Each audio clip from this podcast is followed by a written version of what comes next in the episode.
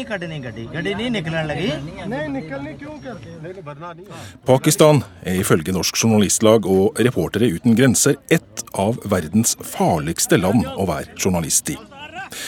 Det var nå eh, TV 2s reporter Gaddafi Saman fikk føl på kroppen da tunge kølleslag hagla over han da pakistansk politi angrep mens han dekka en demonstrasjon i landet.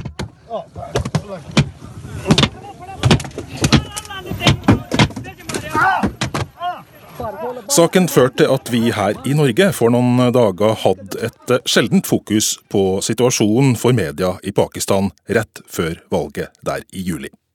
I dag skal vi ta en titt bak kulissene for å se hvor tøft det kan være å være journalist i Pakistan, og hvorfor det er sånn som det er. Velkommen til Kurer. Jeg heter Lars Erik Ertsgaard Ringen.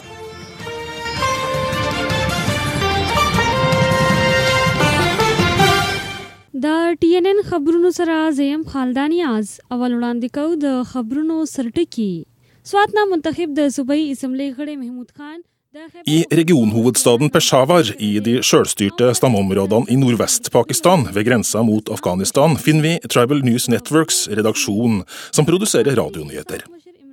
Her er Zaid Nasir redaktør og sjef for rundt 45 journalister og reportere i det som er den aller farligste regionen i landet.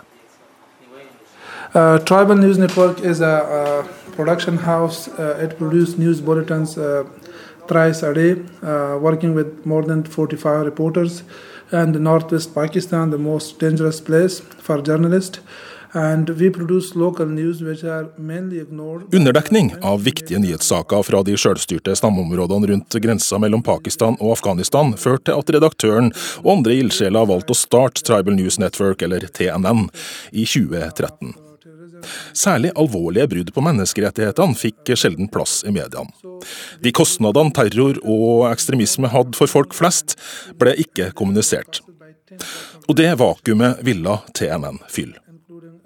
I dag produserer Radioredaksjonen to nyhetssendinger daglig, som sendes av til sammen ti radiostasjoner på både den pakistanske og afghanske sida av grensa. De har valgt å ha spesielt fokus på vanskelige og betente tema som kvinnefrigjøring, undervisning og helse. Tema som andre nyhetsmedier ofte overser. We do stories on sports, we do stories on women empowerment, and we do stories on education, health, and all topics. So just, we are not just focused on conflict and د terrorism. پاکستان تحریک انصاف مشر عمران خان محمود خان د خیبر پښتونخوا وزیر اعلی نامزد کړی دی د پاکستان تحریک انصاف د سوشل میډیا اکاونټ لخوا جاری شوی بیان تر مخه عمران خان د سواتنا منتخب شوی Nyhetsoppleseren av denne sendinga fra Tribal News Network er, som du hører, kvinne. Seks av journalistene i redaksjonen er i dag eh, kvinnelige.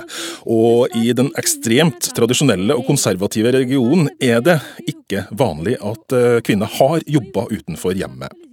Kvinnelige journalister er både revolusjonerende og provoserende for folk, forteller redaktør Saeed Nasir. Our region is very conservative, so there is no space for women to participate in public life. So uh, it is very hard to bring women in field of journalism, and people don't like it. Like they are not used to the idea that uh, uh, Journalistikk er et svært krevende karrierevalg for kvinner i regionen, men når 50% av befolkningen er kvinner, mener Nasir at det er svært viktig å ha kvinnelige journalister i redaksjonen for å kunne gjøre en god jobb. Særlig fordi det er tabu for menn å snakke med kvinner de ikke kjenner fra før i denne delen av Pakistan. Zaid Nasir forteller at det er vanlig at eh, kvinnfolk som jobber blir trakassert, men er stolt over at hans redaksjon har bidratt til å utdanne flere flinke kvinnelige journalister gjennom sitt praksisprogram. So uh, uh, uh, we um, uh, talent to media uh, in northwest, northwest Pakistan. Uh, we have a friendly environment for them, and mostly, if you see in the developing countries like Pakistan, especially conservative societies like Pasht- Pashtun society, it's uh, difficult for women to work in offices. So uh, uh, we believe that we should provide friendly and uh, protective environment to uh, women reporters and journalists to work freely, independently, and professionally. Og det er tydelig at Tribal News Network, som altså holder til i Pakistans mest konservative region, i nordvest, brenner for likestilling. Nå i sommer ansatte kanalen en transkjønna programleder. Men Tribal News Networks modige journalistikk og utradisjonelle tankegang koster dyrt. Redaktør Saeed Nasir forteller at drapstrusler er vanlig, og sikkerheten til dem som jobber i redaksjonen er trua. Uh, they are um, either um, uh, threatened and intimidated by security agencies or they are threatened by militant groups. There's also uh, the culture, uh, Pashtun culture. If you violate code of conduct of Pashtun culture, if you, if someone is dishonored, if someone feel dishonored with your report, Journalister som jobber i denne regionen, blir trua av både etterretningsvesenet eller militante grupper. Men i tillegg til det fører den eh, pashtunske ærestradisjonen til at journalisters sikkerhet blir utsatt. Zaid Nasir i Tribal News Network forteller at journalister som blir utsatt for drapstrusler, i tillegg ofte opplever at de ikke får støtte og hjelp fra sine redaktører. So uh,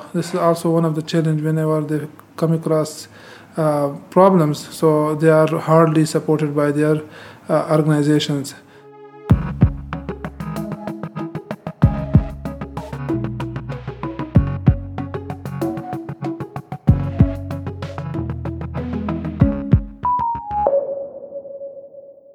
Professor Elisabeth Eide ved Oslo OsloMet er ekspert på medienes situasjon i Pakistan, sjøl om hun sjøl foretrekker et eh, annet uttrykk. Hvor jeg foretrekker kjenner, men bakgrunnen er jo at jeg har bodd i det landet til sammen i to år og har jobbet ved et universitet der og vært tilbake mange ganger. I tillegg sammen med mannen min Terje Skaufjord skrevet en bok om, om Pakistan som heter 'Pakistan midt i verden'. Elisabeth Eide forteller at eh, pressa i Pakistan helt siden landet ble sjølstendig i 1947 eh, har vært utfordra og holdt ned. Særlig har arbeidsforholdene for pakistanske journalister vært krevende under landets lange og mange perioder med militærdiktatur. Statistikken bekrefter at Pakistan er et av verdens farligste land å være journalist i. Jeg så i går på noe som heter Freedom Network, som er et forholdsvis eh, nyopprettet nettverk i Pakistan som registrerer overgrep eh, mot eh, journalister. Og de pekte på at i fjor, altså i året 2017, så var det 157 registrerte saker. Og de nevner da de kategoriserer disse sakene i fysiske angrep, trusler, illegal fengsling og arrestasjon, og i noen tilfeller mord. Siden 1990 så har 60 journalister blitt drept i Pakistan. Fem av de ble drept i fjor. Og så langt i år er tre journalister drept i Pakistan. Og statistikken skjuler altfor mange personlige tragedier. Journalist Hamid Mir er et eksempel. Han har overlevd to dramatiske attentat. Det siste så sent som for fire år siden.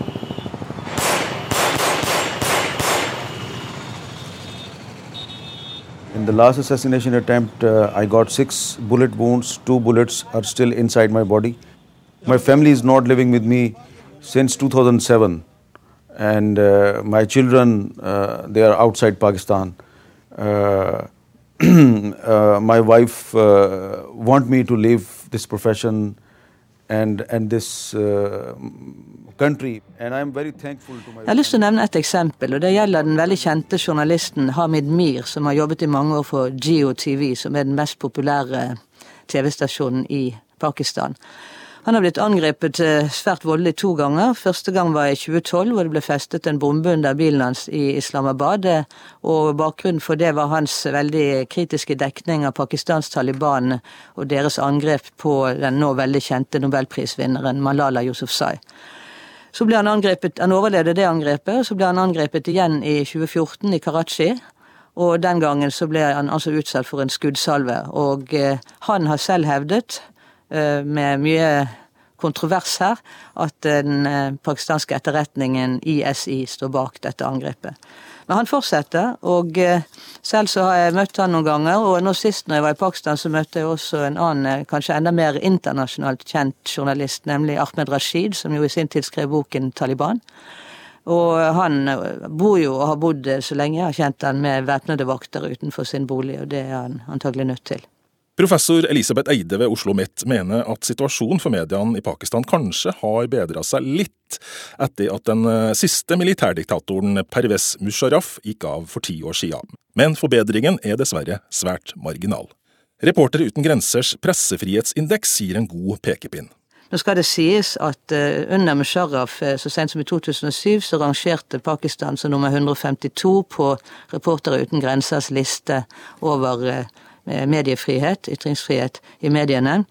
Mens den i dag, landet i dag er på 139. plass. Det er jo en slags framrykking, da, for nå har det jo vært sivilt styre de siste ti årene.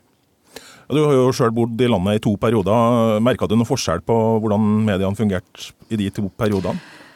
Ja, I begge periodene jeg bodde der, så var det jo diktatur. Da sier ul Haq så var det veldig stramt, og det sier jo også de som eh, skriver om pakistansk mediehistorie i dag. At under Zia ul Haq så ble det strammet veldig inn. Han var jo diktator i den eh, fasen hvor eh, du hadde krig i Afghanistan, og hvor Sovjetunionen okkuperte og USA drev og støttet deler av motstandsbevegelsen, og hvor pakistansk etterretning var svært involvert. Og dette preget også en del av situasjonen i Pakistan. Eh, og så igjen under general Musharraf, eh, som da sto for eh, det som heter enlightened moderation, altså moderate opplysning. og da var det en annen situasjon, hvor vi abonnerte på flere aviser. Det var våren 2006, og syntes at vi så ganske mye kritisk virksomhet. Nå skal det sies at det er noen områder som ikke har vært så involvert i det kritiske, og det gjelder spesielt militærvesen, etterretning, men også enkelte industrigrener, sånn som atomkraft og alt som har med atom produksjon å gjøre. Og ikke minst så finnes det jo en blasfemilovgivning som er veldig streng. Eh, det betyr at du, hvis du blir anklaget for å eh, ha fornærmet profeten Mohammed, så kan du risikere dødsstraff. Jeg spurte jo, jeg satt og diskuterte med to eh, redaktører for en av de store avisene der i begynnelsen av mars, og spurte dem hva er det farligste, hva er det vanskeligste området for dere å gå inn i, og da sa de religionsspørsmål. Det er altså grått sett to miljø i Pakistan som holder media ned. Det militære og etterretninga på den ene sida, og konservative, religiøse og ekstremistiske organisasjoner, inkludert Taliban, på den andre. Journalistene i landet blir nødt til å balansere på stram line mellom de her to gruppene. Denne situasjonen, altså denne stramme linen som en må balansere på, den gjør jo også at du får betydelig selvsensur. og da jeg var der i vår og som sagt snakket med mange journalister, så pekte de på at selvsensuren var betydelig.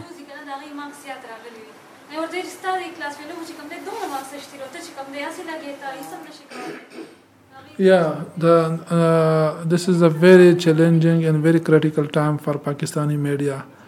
If you take the example of Dawn News, it's very popular newspaper and very historical uh, newspaper and a strong group of media. So their uh, distribution was blocked in several cities by Pakistan army because uh, they, they were filing some stories uh, against the against the army and they were blocked. And then there is a, a TV channels. They were also Tilbake i redaksjonen til Tribal News Network i Peshawar forteller redaktør Saeed Nasir at uh, det er krevende tider. Før valget så vi at en lang rekke TV-kanaler og aviser ble stoppa av militæret pga. kritisk journalistikk. De siste dagene har redaktøren registrert at 99 eh, av mediene ikke dekker den pashtunske fredsbevegelsen Pashtun Tahafus Movement, fordi den er svært kritisk til det pakistanske militæret. Også TMM opplever sjølsensur. Redaksjonen har bl.a. følt seg pressa til å bruke uttrykket 'drept' når Taliban-soldater har mista livet, mens når pakistanske soldater mister livet, så bruker redaksjonen uttrykket 'myrda'. Zaid Nasir mener sjølsensur er en naturlig reaksjon når man blir vant til å se kollegaer bli slått og straffa for det de gjør på jobb. It's a kind of self-censorship. If you see your colleagues, if you see other uh, uh, for what they are doing, so uh, naturally you must be careful. So it's not good for journalism. We are struggling with this. And the media houses working in the region, they are also under extreme pressure uh, and they also go through uh, self censorship for their protection and for their survival.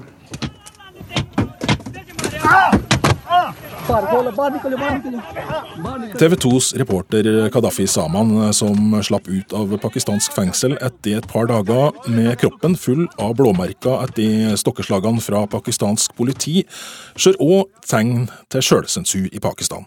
Det er veldig vanlig, og det ser man spesielt eh, før dette valget, under dette valget, og også etter. At det er eh, ting man ikke rapporterer om, som man veit eh, etterretningstjenesten og militæret ikke liker. Og da holder man seg unna de temaene. Man stiller ikke kritiske spørsmål om valgfusk. Eh, man stiller ikke eh, kritiske spørsmål om de demonstrasjonene som nå faktisk foregår i Pakistan, og som man ikke ser i avisene og på TV-skjermene. Og det er også en type selvsensur. Da Gaddafi Saman ble angrepet av politiet, fikk han smak på hvor farlig og krevende det kan være å jobbe som pakistansk journalist. Nei, Det som skjedde var at eh, fredag den 13. juli så skulle tidligere statsminister Nawaz Sharif tilbake til Pakistan etter, at, etter å ha fått en dom på ti års eh, fengsel. Så det var knytta stor spenning til hvordan han ville bli mottatt av sine støttespillere, og ikke minst hvordan politiet ville forsøke å hindre disse støttespillerne i å nå storbyen Lahore. Det var der han skulle lande. Så planen var at jeg skulle gå live for TV 2 Nyhetskanalen, at jeg skulle rapportere om dette. Første livesending skulle være klokken ett norsk eh, tid. Ehm, og da fulgte jeg da disse politiske aktivistene faktisk i flere timer, eh, og så hvordan eh, de ble altså stanset av politiet, slått av politiet. Det ble avfyrt skudd. Mye av dette filmet jeg. Jeg gikk rundt og filmet mye av dette på forskjellige steder. Hadde med meg TV 2-utstyr. Lastet opp noe materiale det eh, på sosiale medier, men planen var da å gå live klokken 13. Eh, så langt kom jeg aldri. Før det så ble jeg også angrepet av eh, politiet med stokker, slått, påsatt håndjern, og satt på en celle på 10 kvadrat med 24 andre mennesker. Men hvordan takler pakistanske journalister de her farlige og vanskelige arbeidsforholdene?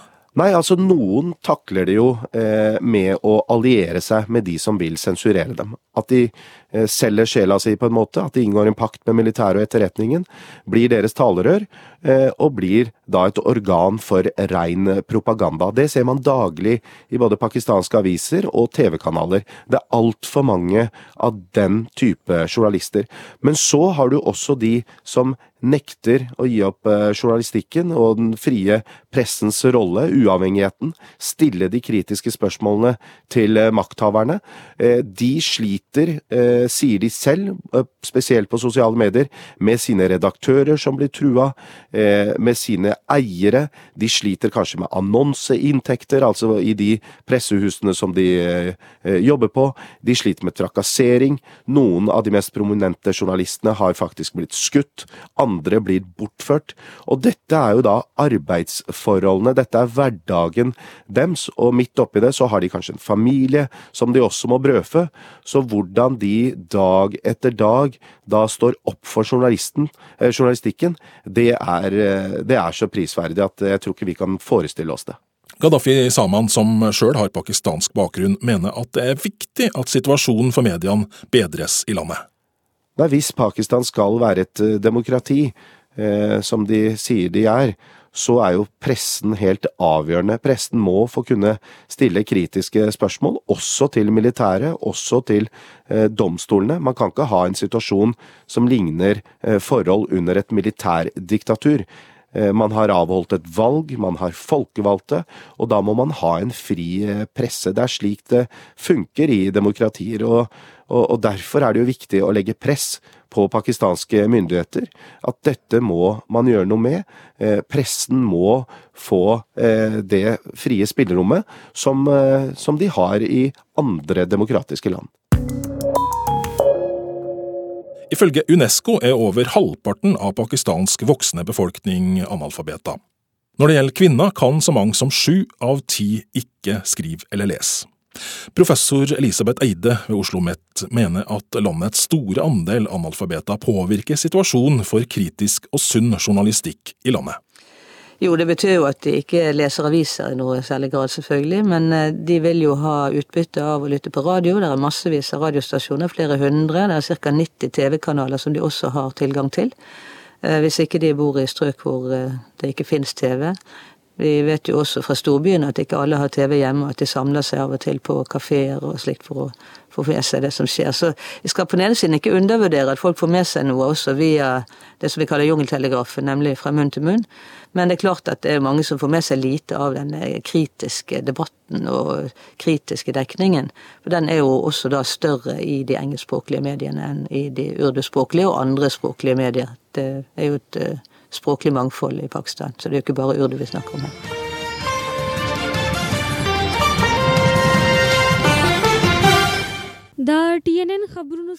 Nedslagsfeltet til Tribal News Network i områdene rundt pakistansk nordvestre grense mot Afghanistan er svært avsidesliggende, fattigslig og rurale områder.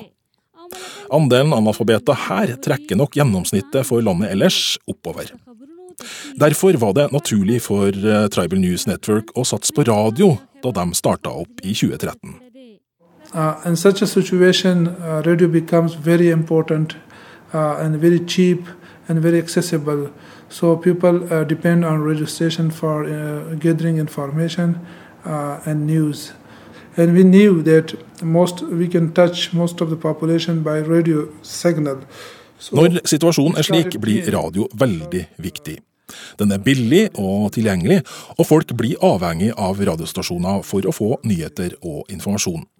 Derfor er TNN spesielt fordi de bevisst valgte å satse på nyheter på radio. Zaid Nasir forteller at de visste at de ville nå flest mennesker på denne måten. Før stasjonen starta opp, var det lite nyheter og aktualitetsstoff på radiostasjonene i området. Og det var det her vakuumet ildsjelene bak stasjonen ønska å gjøre noe med. Og så langt har det gått bra. Vi ser see radio station here, but they don't believe in news and information programming. It's very unfortunate.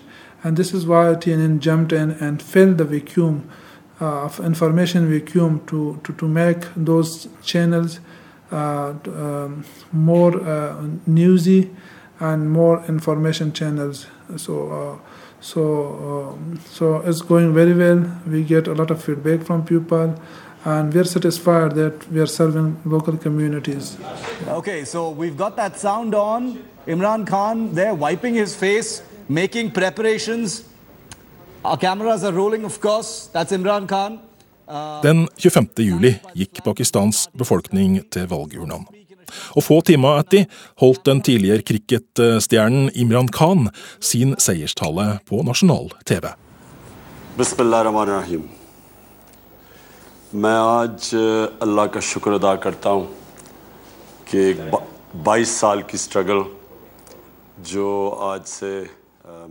Og i dag blir han tatt i ed som landets nye statsminister. Professor Elisabeth Eide tror ikke det vil bety bedre tider for den frie og kritiske pressa i Pakistan. Jeg er nokså bekymret, fordi at han har jo annet uh, hatt en del kuvendinger i sin egen politiske nyere karriere. Uh, det er ikke veldig lenge siden han uttalte seg svært kritisk mot uh, blasfemilovene. Og nå har han da gått mot den egne kritikken og sagt at han forsvarer disse paragrafene fullt og helt. Og Dette er klart dette er noe man gjør for å tekkes de religiøse kreftene. Det gjelder både tradisjonelle, sterkt religiøse partier, og det gjelder også folk lenger ute på den skalaen. Og det vil jo ikke akkurat være egnet til å åpne mer opp. Vi skal huske på at uh, prominente personer har blitt drept uh, i attentater når de har uttalt seg kritisk uh, mot blasfemiparagrafen og blasfemilovgivningen. Og det sitter folk i fengsel på ubestemt tid som er anklaget for sånne brudd. TV 2-reporter Gaddafi Saman tror militæret og etterretninga, som kanskje er det miljøet som motarbeider media mest i hverdagen i Pakistan, ikke har særlig mye imot resultatet av valget. Nei, dette er nok et resultat som militæret og etterretningstjenesten er svært uh, fornøyd med. Imran Khan var uh, deres mann. Og så gjenstår det å se om han klarer å levere, og så blir det jo også spennende å se hvor uavhengig han kommer til å være, eller om han kommer til å være en nikkedokke for militær- og etterretningstjenesten. Syns du norske myndigheter burde ha gjort noen ting for å bedre situasjonen for uh, pakistanske journalister og pakistanske medier? Ja, det syns jeg absolutt. Jeg syns at eh, norske både myndigheter og presseorganer bør lytte til pakistanske journalister, de redaktørene som jobber under disse vanskelige forholdene. Eh, belyse dem, få det opp på et nivå, internasjonalt eh, nivå, eh, og snakke om det. fordi det kan jo ikke fortsette slik at man blir sensurert, man blir eh, slått, man blir arrestert, man blir eh, bortført. Og det må jo være en grunn til at Pakistan er så langt nede på internasjonale presserankinger som de er nå. I arbeidet med dette programmet har vi både på telefon og e-post forsøkt å få en kommentar fra den pakistanske ambassaden i Norge på påstandene om at militæret og etterretninga i landet undertrykker mediene. Vi har dessverre ikke fått noe svar på disse henvendelsene. Det var alt for oss i eh, Kurerredaksjonen for denne lørdagen. Om du har reaksjoner på programmet eller tips, så finner du oss på Twitter. Produsent for sendinga var Anna Iversen, og jeg heter Lars Erik Ertsgaard Ringen.